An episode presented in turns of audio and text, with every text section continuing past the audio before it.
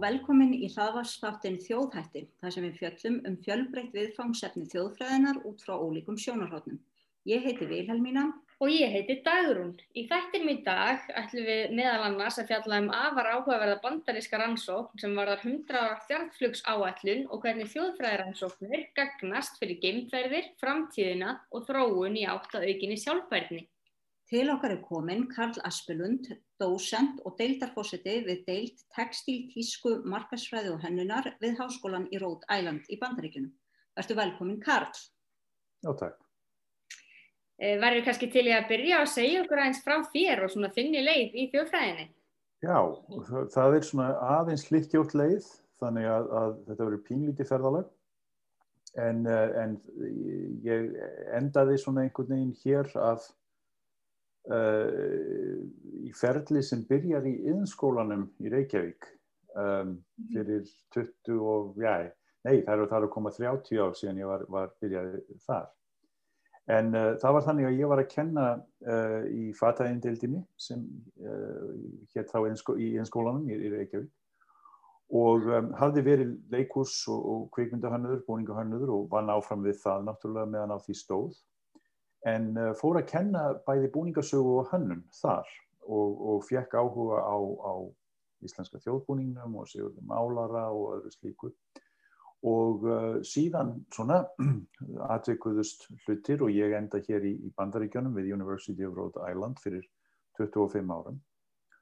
Og uh, fer að kenna hönnunarkursa hér og uh, var að vinna áfram sem hannuður uh, bæði við, við myndlist og, og, og uh, síningar og annað slikt.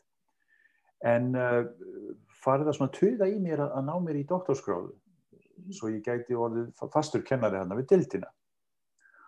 Og það töðið helt nú áfram í einhver ár og, og ég er svona að leita mér að dild. Það er ekki auðvelt að finna doktorskráðu í svona hönnun og búningaverki, einhverju textíl eitthvað hvers konar doktor verður það.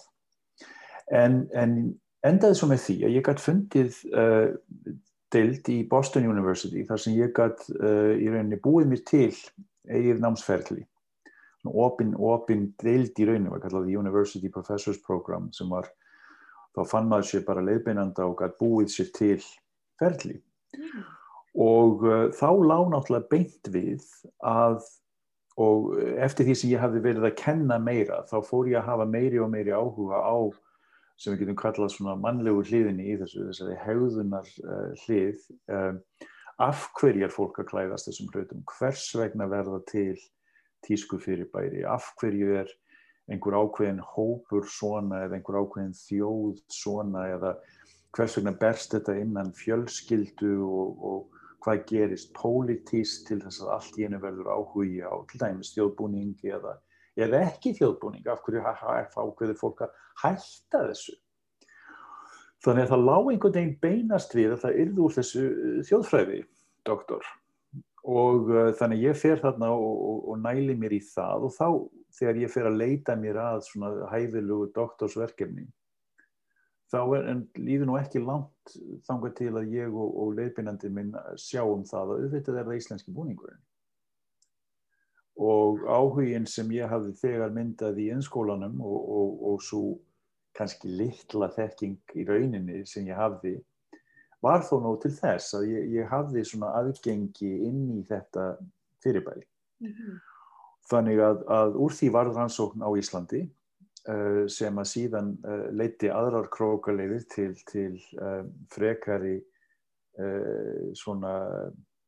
skoðunar á, á, á Sigurði Málara og fólkinni kringum hann.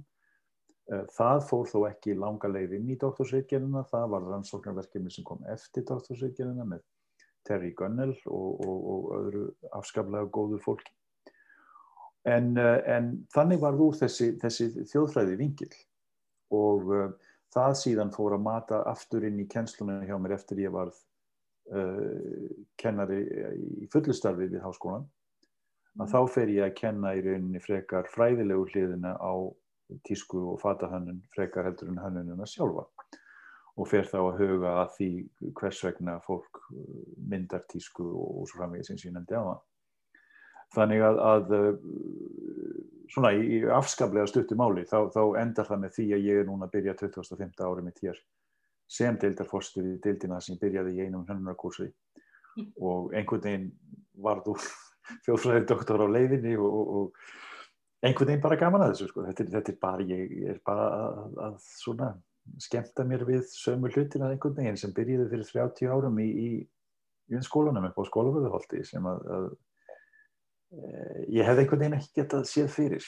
En þannig er þjóðfræðin og, og eins og þið viti nú sjálfar mm. að maður veit einhvern veginn aldrei hvað þetta endar.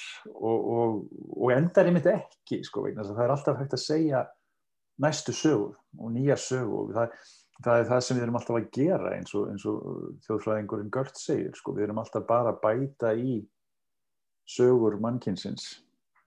Og það er það eina sem við getum gert er að bæta bara við söguna og uh, kannski þess vegna einmitt sem þetta er svona fjandi gaman En talandi mitt um að hérna, bæta í söguna, þá er þessi stjartflugs áallun öruglega mm. eitt úsli því að bæta í söguna. Getur þú sagt okkur frá því verkefni? Jú, jú, það er nú enn einn ein, ein, ein hlikkjóttur vegur að um, þá fljótlega eftir að ég er komin í, sagt, í fullu sem, sem akademikir, er, er komin hér við, við háskólan, þá svona af hálginni tilviljun dett ég inn í þetta geimferðarverkefni.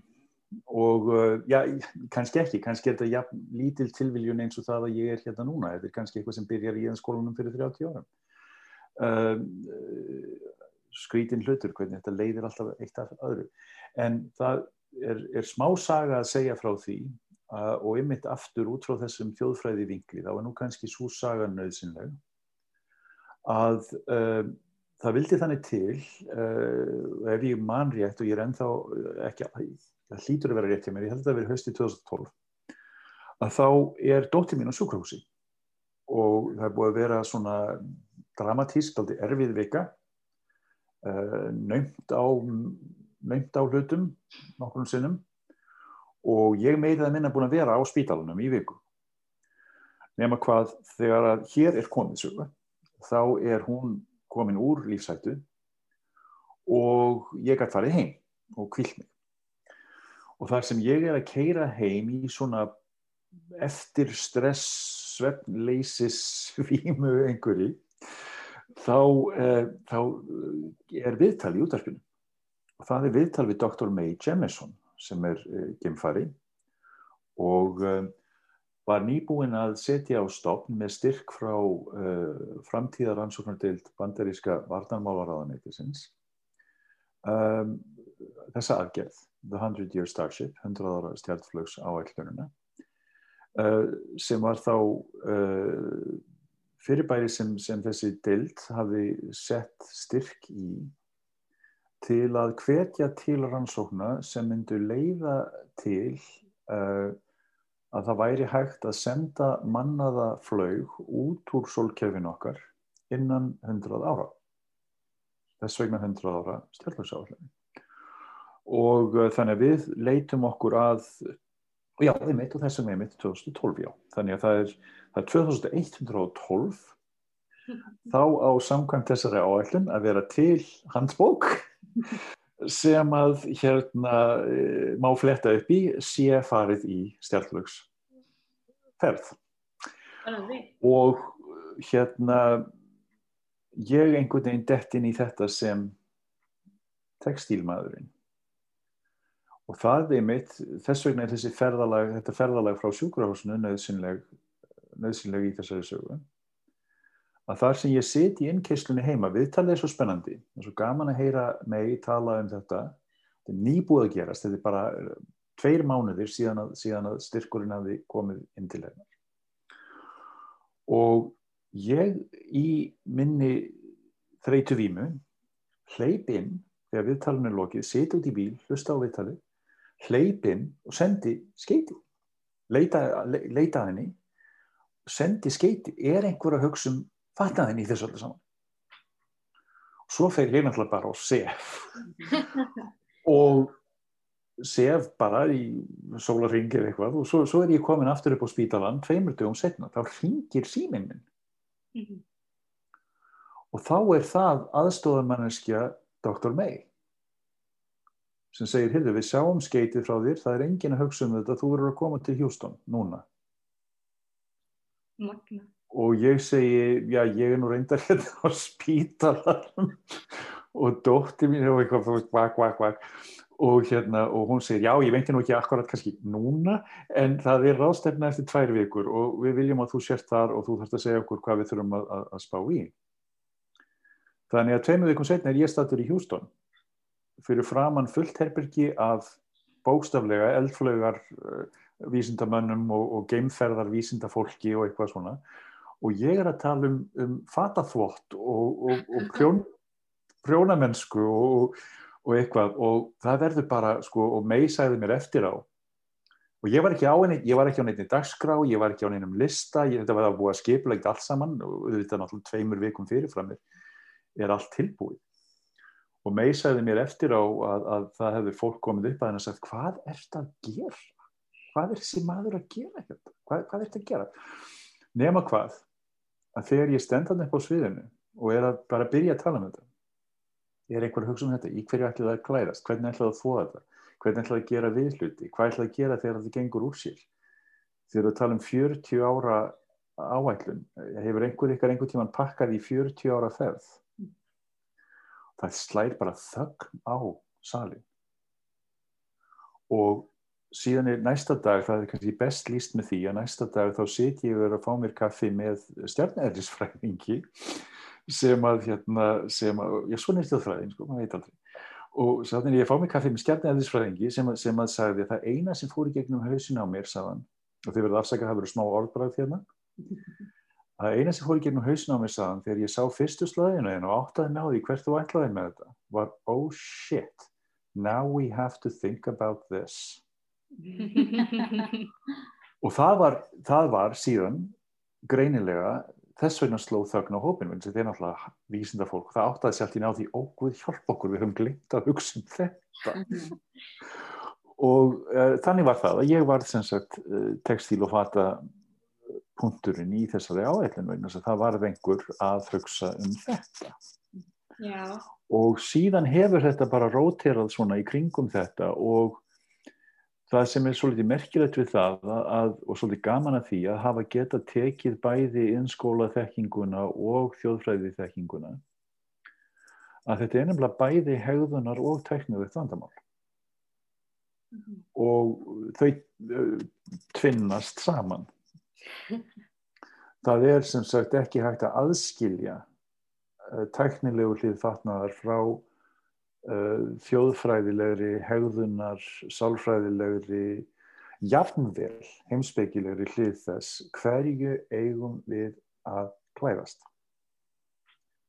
Mm -hmm. og að maður tala nú ekki um það ef maður ætlar að fara að loka hópa fólki og þetta er nú reyndar frekar stór hópar af fólki þannig að þetta er eins og að senda kópavóg út í geimið eitthvað sko að hérna, hugmynd út af fyrir sig en, en hérna en, en þetta, þetta, þetta er bæjarfélag, þetta er sko þúsund þúsund manns sko, ekki, ekki bara einhverju fimm í geimflög sko. þannig að, að þetta snýst um þá hegðun og, og, og, og hóphegðun og einstaklingshyggju og uh, síðan þarf kannski að vera einkennisfatnaður og svo þarf að vera uh, hvað ætlir að gera í samvættu við skemmtanir eða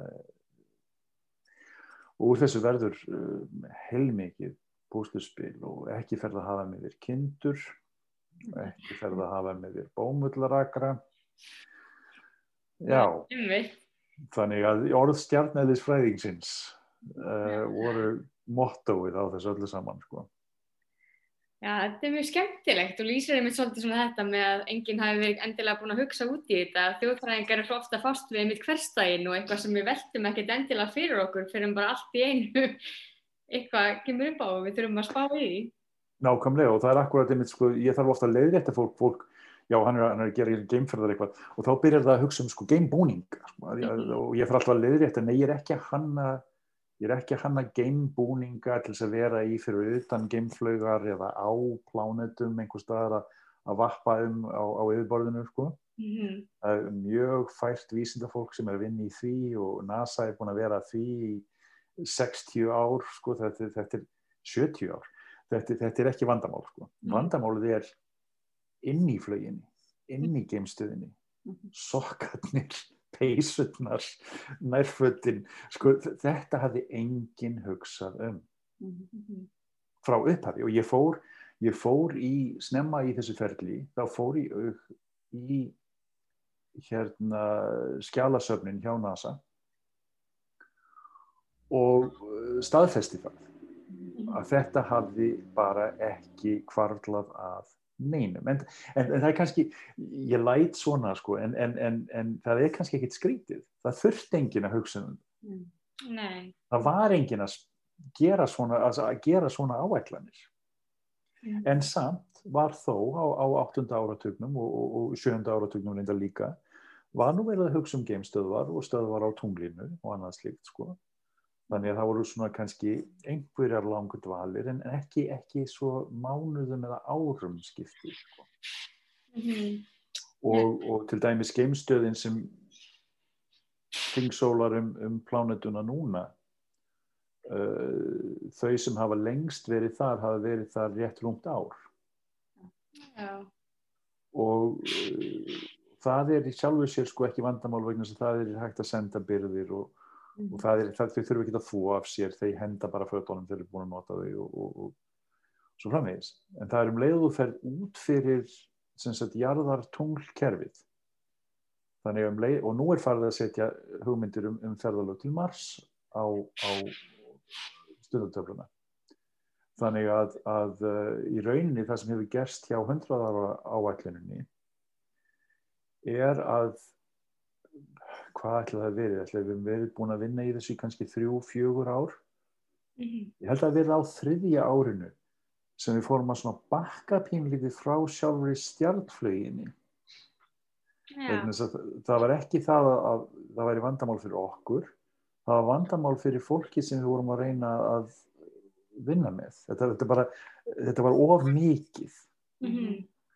og þess vegna vildi það svo vel til það var svona rauninni okkur til haps að NASA setti Mars uh, flaugar bara á áætlunina. 2035, búm, á Mars. Og þá gáttum við svona bakkað til Mars. Svona örugar í ferðalag.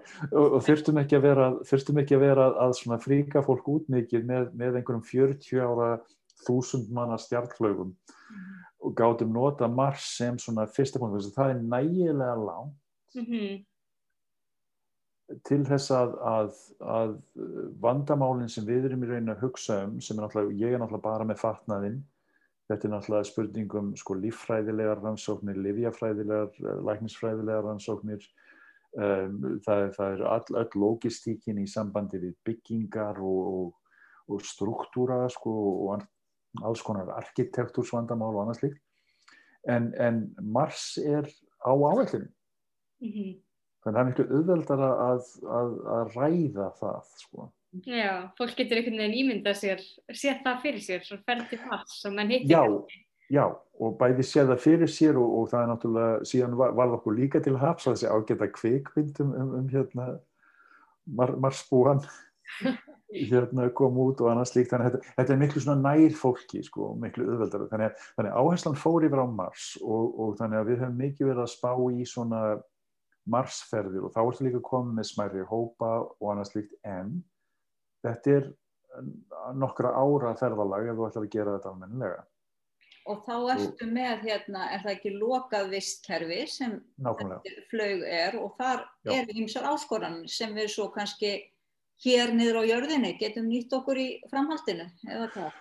Já, og þar kemur að punkti sem ég er ekki búin að nefna hinga til og Nei. gott þú nefnir hann vegna þess að það er í rauninni þangað sem að ég hef komist núna og það eru sko síðustu uh, árin í rauninni, síðustu tvö árin þá, uh, þetta er svolítið sérkennilegt sko að, að hérna, þetta byrjar sem 40 ára stjálflög svo bökkum við inn í Mars og síðustu 2-3 árin þá er þetta í rauninni bara farið að snúast um okkar eigin plánundu Mhm.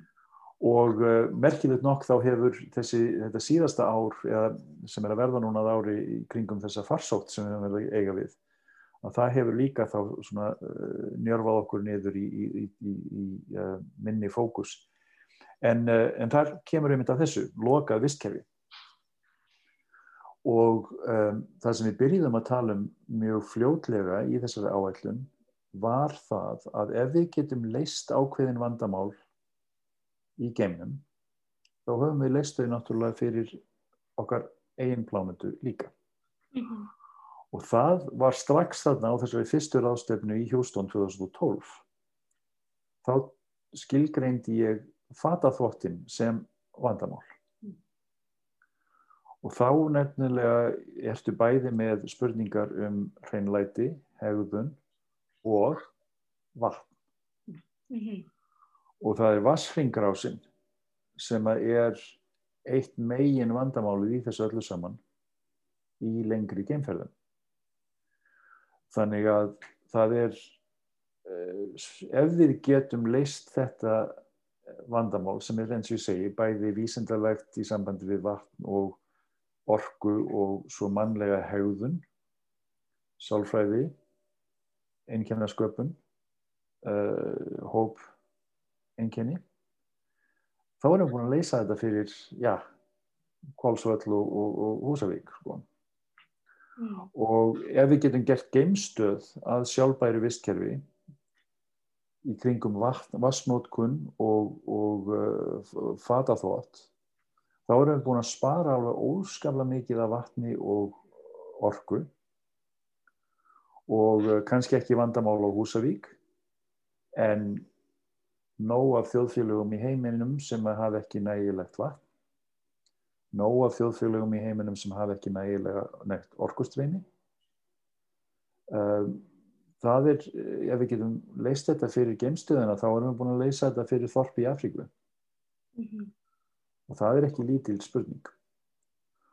Og þannig að, að rannsóknar hafa í rauninni farið að leiða meira og meira því og nefndunir sem ég hef verið að vinna með hér hafa í rauninni ekki verið að vinna með geimferðir heldur hafa verið að vinna með geimferðirnar sem ekki, sem uh, getum við sagt nánast til myndlíkingu mm -hmm. uh, fyrir uh, jarðbundnari vandamál og sérstaklega núna þegar að á þessum sömu tíu árum í raunni sem að þetta er farið að, að spanna, eða fyrir að spanna bróðum, þá hefur meðvittundin um uh, umhverfis vandamálinn og sjálfbærinni spurninguna sem er að verða eins og skóareldur mm -hmm. uh, að þá er þetta vandamál farið að verða meira og meira akut hér á jörðinni og, og geymurinn kannski bara góð afsökun. Ja, hvað já og það er líka eitt áltið annað í þessu sko, og ég skal segja ykkur svolítið leindamál þið látið þetta ekki fara lengra. Við lofum. Og hérna og, og, og byrð hlustendur að, að, að geima þetta með sjálfsir að sko í rauninni þá er, þá er Eh, hluti af þessu líka fyrir mig núna sem rannsækanda uh, og sem kvatamanna þessu að þá er, eru geimferðirnar svona gríma. Mm. Fólk verður miklu miklu spenntara fyrir sjálfbærinni á Mars heldur en sjálfbærinni á Húsavík mm. og uh, miklu meira gaman að, að, að, að rannsaka það hvernig þú getur haldið lífinu í 20 manns uh, í einhverju geimflög heldur en 20 manns í Afríku. Þannig að, að það er svona uh, kannski, uh, má segja að geimflögin sé svona eins og ísbrjótur sko. Mm. Svo siglir hitt á eftir. Og nefndurnir og, og, og við hinn erum kannski ekki um borð í ísbrjótnum, við erum í hinnum bátnum sko, við erum að, við erum að líta á plánutuna og uh, það er kannski spurning sko hvort þetta sé ekki bara í rauninni sama rannsóknin sko og May, Dr. May segir það sko að, að hérna eh, einn af frössunum hennar er einmitt að sko það sem við þurfum til að lifa af í geimnum er líka það sem við þurfum til að lifa af á heimablánutinu sko. mm. þetta er ekki þetta er ekki tvær rannsóknir, þetta er bara sama rannsóknin fyrir rest, jörðin er lokað visskefi mm. mm -hmm. Mjög áhugavert. Það setur þetta líka svona í samhengi sem maður hefur kannski ekki alveg átt að segja á. Þjóð, þjóðfræðin, þjóðfræðin, alltaf samhengið, sko. Já, algjörlega. Það er ekkit einangrað, sko. Það er, það er svo merkilegt í, í, í þessum fræðum, er að vegna þess að við, þetta snýst um hvernig hegðun og hugsun uh, mætir því praktíska. Að þá eru þessar sögur sem við segjum um hvort annað í gegnum þjóðfræðina þær eru líka leksíur í því hvernig við eigum að aðtapna okkur í uh, krísum eða, eða jafnvel bara í, í, í góðum stundum sko. en, en, en það, það, verða, það verða til úr þjóðfræðinni sögur sem eru þá líka leiðbeiningar þetta er eins og að búa til góðsögur sko. þetta, er, eru sögurnar sem við lítum til til þess að skilja það hvernig við eigum að vera og, og þjóðfræðin getur þá bæði hvort sem það er í geimnum eða, eða Kalahari eðimörkinni nú eða Húsavík þá er þjóðfræðin þetta, þetta, þetta sem við getum leitað til og sagt já, svona gerum við þetta. Mm. og þá getum við lært af því hvort sem það er í, í eðimörkum Arabíu eða, eða fjöllum Tíbet eða uh, Seltandanesinu sko. Að, að þá, þá kunnum við að hafa okkur út frá þessum sögum sem við segjum. Ymmit, algjörlega. En, og född geta líka sagt til mikla sögur. Er það eitthvað sem þú veit við er líka með þennan fatnað í? Jú sko og þar kemur tengingin sko, þá, þá, þá byrjum við bara aftur í einskólanum sko.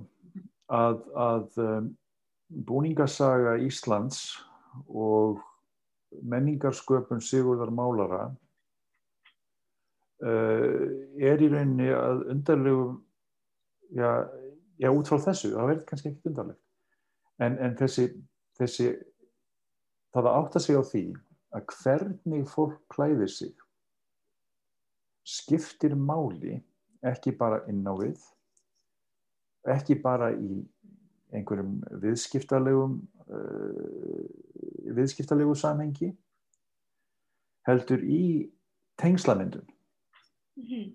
Það er hægt að búa til þjóð með klæðnaði. Það var það sem Sigurður Málari fór í gang með. Það er hægt að búa til samheldni með einkennisbúningum. Standardadgerð í íþróttum, hernaði, uh, skólabúningum, nefndu það. Mm -hmm. það er hægt að hvetja fólk til tengsla með því að benda því á klæða möguleika og það, það er bara standard aðgerði því að selja tískuföld mm -hmm. ef þú klæðir þig svona þá gerist eitthvað sko og, og þannig að þessi, þessi áhersla sem kemur þá frá bæði handverkinu mm -hmm. forminu, efnunum, litónum uh, skreitingunum uh, jaðarhlutum, skór, hattar, hanskar það verður úr þessu svona heilt mm -hmm. og fólkið er inn í þessari heilt sko. Og þá er það, gildir það einu hvort þú ert að tala um, um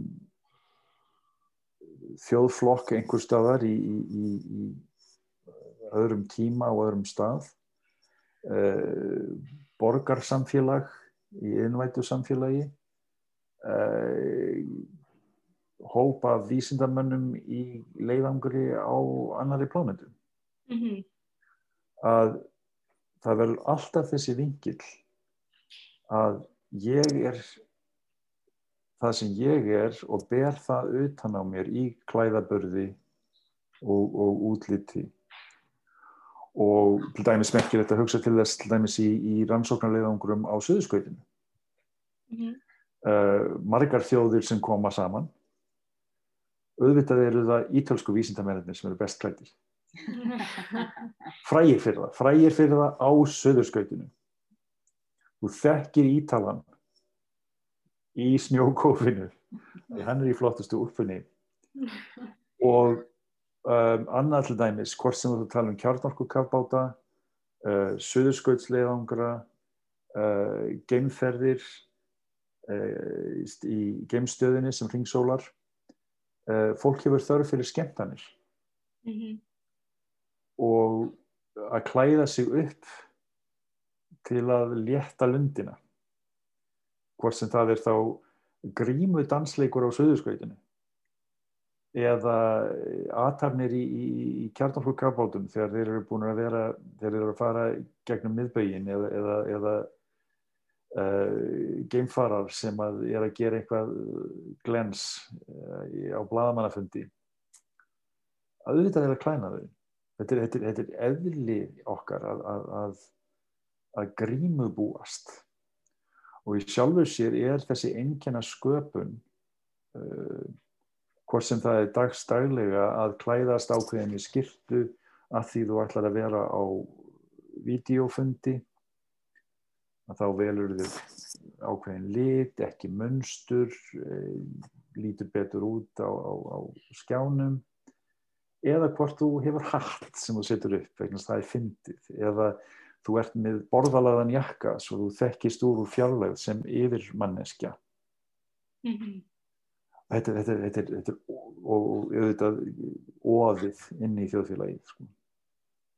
þannig að, að uh, hvort sem það er innskólinn eða, eða þjóðfræðin eða uh, geimferðarstofnanir sko, þá, þá er þetta eitthvað sem að það er bara svona manneskjulegt og, og, auðvitað þarf þjóðfræðingur að, að dúka upp Mm, algjörlega. Með því að núna í hérna COVID-bylgjónum þá er alltaf að ganga svona átök einmitt um að maður er að klæða sig í kjóla á föstudögum og taka mynd til að setja á neti af því maður hefur ekki þetta tækifæri til þess að fara út og... Já, veistu, það er svolítið merkilegur hlutur og, og, og kannski einmitt, uh, einmitt væri ekkit galið að fara að, að, að rannsaka það. En leið mér að segja, segja ykkur uh, svolítið merkilega sögu þá einmitt, einmitt fyrir farsóttar tíð mm. að það var nefandi hjá mér í hérna uh, tískufræði tíma sem ég var að kenna sem að það þurfti að gera vetthansrannsókn Mm -hmm. og uh, svona þjóðfræðilegar aðferðir í því að, að fara og skoða og, og, og, og ræða við fólk og svo framvegs. Hún fór í gamla skólan sinn til að skoða hvað hafði orðið úr tískumálum þar og þegar hún var í skólan og þetta, það var ennþá skólabúningar, þetta var katholskur skólabúningakultúr eins og hann gerist, gerist best. Og það sem hafði loðað við skólabúningakultúr hjá henni í skólanum hennar eins og viða þar sem að þetta var að gerast og þá var uh, í rauninni mjög stífareglur og það sem var hægt að sjá var hvernig fólk gæti byggt reglunar og hvernig, það, hvernig nefndunni voru alltaf að leika sér að því að þú áttur um einn heft hingað, nei, þá losaður um einna, eða sokkarnir átt að vera svona hátt, nei, þá dróst þá hingaði beðarúlaður þeim niður, eða mm. stittir pilsið pínulítið heima og svo framvegið, sko, þannig að það var á svona, svona litlar svona munderingar gerðar. Hún tók eftir því, þegar hún fór í skólan, að nefndunir þá, og þetta var bara, hún var hvað, hún var á þriði ári í háskólanum, þannig þetta var, þetta var þá 6-7 árum eftir hún hefði verið þarna í skólanum. Nefndunir voru hættir þessu. Mm. Skólabúningarnir voru bara skólabúningar. Það var ekkert verið að föndra við þá, ekkert verið að, að svona tjúna þetta til. Hvað haldið? Það er vegna þess að öll tískuhauðunin fór fram á samfélagsmiðlum. Mm, ok. Krakkarnir þurftu ekki að búa til sjálfsýmynd í skólabúningasamfélaginu Mm. vegna þess að samnefndunir þeirra gáttu séð tísku ímyndina á símanum. Mhm. Þannig að skólabúningurinn var bara skólabúningur. Tísku eðlið, tísku einkennið var á samfélagsmiðlinum. Þetta Þannig að, að samfélagsmiðlarnir drápu uh, hérna, uh, sköpunar gleðina í kringum, kringum skólabúningana. Já, umvitt. Vettvangurum farin af skólalóðinni og yfir í... Já, já, og, og meira segja á skólalóðinni gastu verið með myndina á símanum og, og þannig að þau voru komin með bara einkenna skiptingu og það var bara, það var bara einkennið var á samfélagmiðlunum eitt skipti ekki máli Mm -hmm. þetta, merkilegt nokk er eh, aftur eh, eitthvað sem leiðir þá til geimferðarhugsunar sko. Mm. að, að þessi kvöt hjá okkur er svo sterk að ef við förum að klæða okkur upp uh, og þurfum öll að vera eins öll í geimfata eitthvað það verður ekki gott úr því sko. einhverstað þessi kvöt þarf einhverstað að koma fram Mm -hmm. og þarna var þetta merkileg tenging við eina svona skemmtilega tísku sögu úr geimnum að mannkynið er ekki fyrr farið að dvelja í geimnum um í lengri tíð heldur en þetta verður vandamál uh, 1970 eitthvað er fyrsta geimstöðin sett á loft Skylab sem hún hétt það voru þrýr geimfarar um borð. Um, það varð áhafnarbylting í geimstöðinni Mm. vegna þess að þeim leittist og það byrja reyndar út frá því skilst mér og nú, nú er þetta eitt af vandamálunum við geimrannsóknir að, geimfarar viðurkenna aldrei að hafa átt í vandræðum Mm. Nei, kultúr, kultúr innan geimferðarstofnuna, hvort sem það er ekki bara í bandaríkjónum heldur, það, það er ekki nokkuð leið að draga út úr geimfara að það hefði nokkuð tíma verið vandamál. Uh, nei, má ekki, bara er ekki partur af kultúrnum. Mm -hmm. En, uh, en uh, það var úr, þeim leittist, þeir voru látnir gera verkefni sem þeir voru það klárir, þetta er eldklárt fólk, kláruðu þau eins og skot og þá leiðist þeim. Og þá þið látnið að gera verkefni sem er bara eitthvað fiff og þeir náttúrulega sjá í gegnum það eins og skot, sko að það sé bara verið að láta þá tefja tíman og eitthvað. Mm. þannig að einhver pyrringur byrjaður um borðið genstöðinni og þá fara þeir að verða pyrraðir á fatnaðin mm. Og tala um það að þetta sé ekki hægt og þeir séu allir eins klættir og þetta er náttúrulega 1970 eitthvað þannig að þetta eru einhverju svona leiðindar 1970 eitthvað brúnir litir og eitthvað svona anstíkilegt sko. og þeir eru bara þrýr mm -hmm. og finna fyrir einkennaleysi og þeir fara að láta af sér vaksa skegg sem er fatalt um borði geimstuð mm. Þannig að þú getur ekki verið með hár fljótandi einhver staðar í fingarleysi og svo fer það að festast í tækjum og, og tölvum. Já, og þannig að það verður bara allserjar panik í ground control. Og þetta er tísku, tísku uppreist um borði í kemstuðinni vegna þess að þeim leiðist litavalið Já. og einkennaleysið og eins og með fanga og eins og með hermenn Mm -hmm. Þá er oft eina leiðin út er skeggvaksturinn Já. og hárvaksturinn vegna þess að það er það er þú Mm -hmm. og, um, og svo lei, leistist það nú og jafnaði sig sko.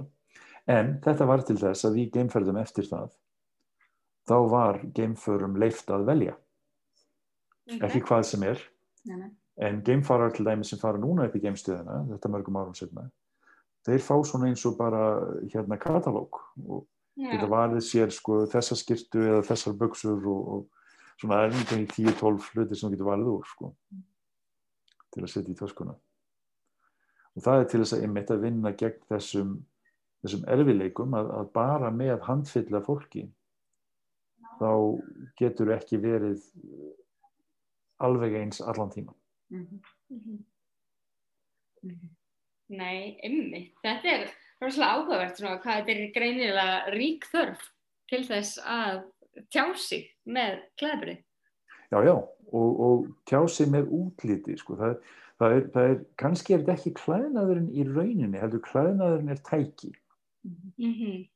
um, ef við hefðum ekki klæðnað hvernig myndum við þá gera þetta og það kom einmitt upp mjög fljótlega í geimferðaransókninni að ég var þá með hóp af nefnendum sem ég var að vinna með fyrstu tvö árin og ég sagði þeim við erum ekki að hanna fött Mm -hmm.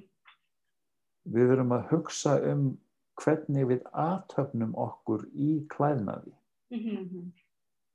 Og uh, ímyndum okkur það, sagði ég við nefndurna, að mannkynnið hafi upp að þessu marki aldrei klætt sig. En nú hafi einhver snillingur fengið þessa hugmynd að við þurfum að fara út í geiminn og við þurfum að vera í geimnum lengi Mm -hmm. og meðan við erum í geimnum þá þurfum við að hilja líkamann og, og nota textílefni til að eh, fá einhverjar útkomur út úr því og eh, þetta er, það er spurning sko, fötin eru, eru tæki Mm -hmm. Og jújú, jú, halda okkur hita og, og, og eitthvað það en, en aðtöði það líka, en borði geimstöð er ekkit veður hitastíð er jafnað Mm -hmm. um, það er ekkit rík, má ekki vera rík Mm -hmm.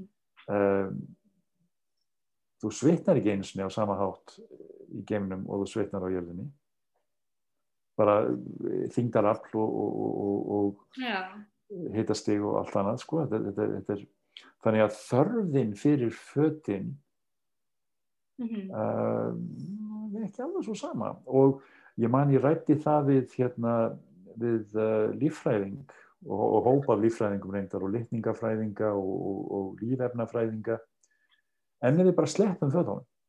Mm nú skulum við fara að fykta bara í litningakerfi mannkynsins og, og bara herðum bara húðina vegna þess að, að hluti af því að þurfa að klæða sig um bara í geimstöð, sérstaklega ef, ef þú ert á ferð þá ertu í þingdarleysi og ert stöðut að reyka því í hluti -hmm.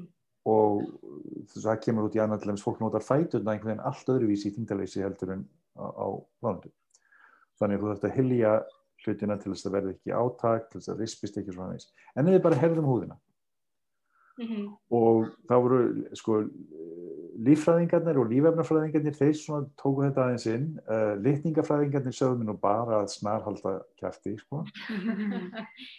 Og hérna voru fljótir að loka á þetta. Uh, oflókið bara. En, en þeir, þeir tók, gerðu það vísindarlega sko. Þeir spenntu mig bara á það og ef þú fer að fykta í litningakerfi uh, húðarinnar þá ertu að eiga við svo mörg önnur kerfi að, að það er bara klúður úr því sko. en en eh, einn, einn af líffræðingunum hún var fljót til, hún hugsaði sér ekki um lengi eh, svaraði undir eins og ég bara þessa spurningu undir hún sagði hvort viltu fjæðrir eða hár?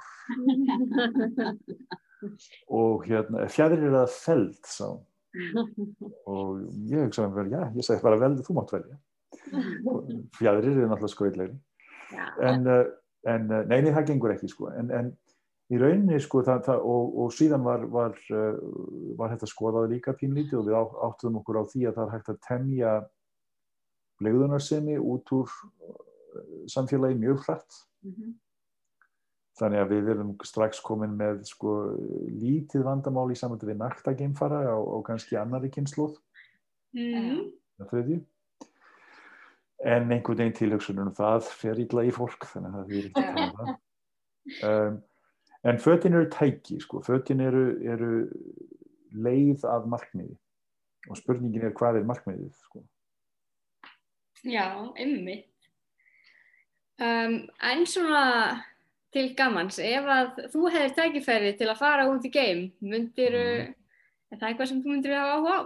já, ekki spurning Uh, færi alveg undir eins uh, ég þurfti náttúrulega að ræða það á heimilinu pínlítið en, en jú, jú, það eru sennilega bara fegin að losna við mig sko, það, hérna, uh, nei, það er auðvitað ekki, ekki hægt annað en að, að, taka því sko.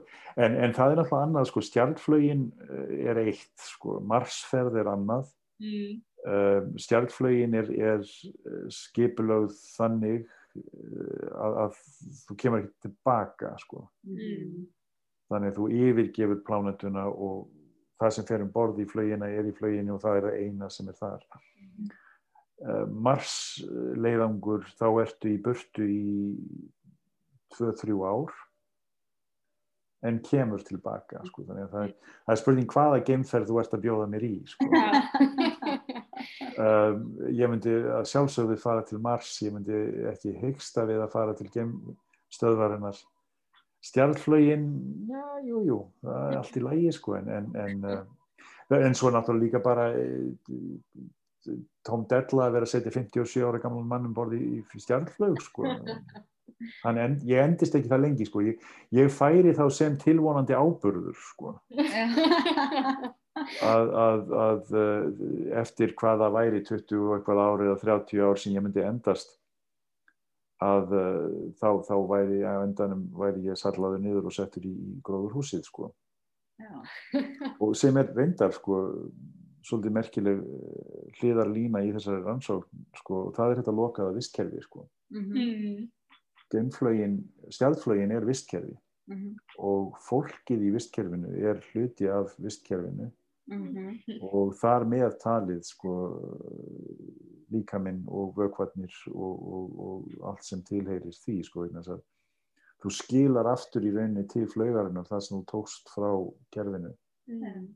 og uh, þannig að, að um, fólk á pínliti erfitt með þetta, við rættum þetta á einni, á einni hérna, ráðstöfnunni hjá okkur að einmitt, hvað á að gera við sko, líkama og, og, og hvernig ég var bregðast við döðsföllum og, og Mhm. úr því verður náttúrulega stort og mikið kerfi annað og uh, við vorum komin út í bara alls þeirra kultúrrannsók í rauninni á tímabili að, að búa til þjóðfélagið vegna þess að til dæmis, eh, hugsið ykkur það, nú þarf einhver að gera við vegna þess að það, það sem fer um borð í flöginni er um borð í flöginni og Mhm. ef þú ætlar að pakka fyrir ferðina og ætlar að haga þér með föt eins og við högum okkur með föt hér á plánutunni þá þarftu svona meðal skipsgám, flutningagám af fötum fyrir hvern áhafnameðlum það gengur náttúrulega ekki. Nei, nei. þannig að það þarf að vera einhver viðgerð eða endur nýjanarleið og það þarf einhver að sjá um það. Mhm. nú hvað ef að súmanneskja deyr? Þá þarf einhver annar að kunna það þannig að það þarf að vera kennsla og lærdómur og þjálfun og við erum komin aftur í svona hálfgett miðalda samfélag með meistara og, og, og lærisveina og, og, og uh, kerfi sem að það sem að þekking er líka hluti af uh, auðæfum samfélagsins Já, og svona framrásinni eða ringrásinni. Ringrás. Ringrás er svarið við öllu. Sko. Það er að ég þarf að kenna Mhm. til þess að það sé hægt að hafa grímuball þá þarf að vera hljóðfærileikari og, það þarf að vera grímugerð. Þannig hver kann að búa til grímur, hver, að, hver kann að gera við mandolínið. Sko. Mhm. Og það er ekkit sko, og þetta er einmitt sko, eins og, eins og blessaður stjarnæðisfræðingurinn sagði sko, hjálp okkur, við þurfum að hugsa um þetta núna. Sko. Það þarf einhver að gera við mandolínu, hvað er þetta að tala um, þetta er geimferð. Jú, en þegar að skip Shackletons var að sökva á suðurskautinu og allir komnir út á ísinn, hver maður með mátti taka með sér tvö pund af vistum eða, eða græjum Mhm. allir komnir út, Shackleton búin að sjá til þess að allir eru öryggir, þá fer hann aftur um borði í sökkvandi skipi til að bjarga banjóinu, Mm. Sem eitt og sér vó meira heldur en tvö pund. Já. Og hann sagði það, þegar hann var spurður af hverju hafði hann gert þetta, hlaupum borði í sökkvandi skip til að ná í hljóðfæri, að þá sagði hann að þetta væri nöðsynlegt andlegt meðal fyrir þá félaga sem voru núna strand á ísjaka á söðurskautinu. Já. En það kom það þá í ljós að, að þeir gáttu skemmt sér og haldið upp í andanum með hljóðfæraleik og söng og, og, og grímuð. Algjörlega. Þetta er ljómandi skemmtilegt. Já, ég held við verðum að láta þessa dæmisögu, góðu dæmisögu, vera hérna loka orðin hjá okkur og Já, sem sagt að læ- læ- lærdómurinn sem við drögum af þessu öllu saman, að sértu sökkvandi á ísjaka, hafðu með því hljóðfæri. Það er það sem við, Já, það, það, er það höfum við lært í dag. Já, Heyrðu, takk kærlega fyrir, Karl. já, takk Já, takk sem leiðis.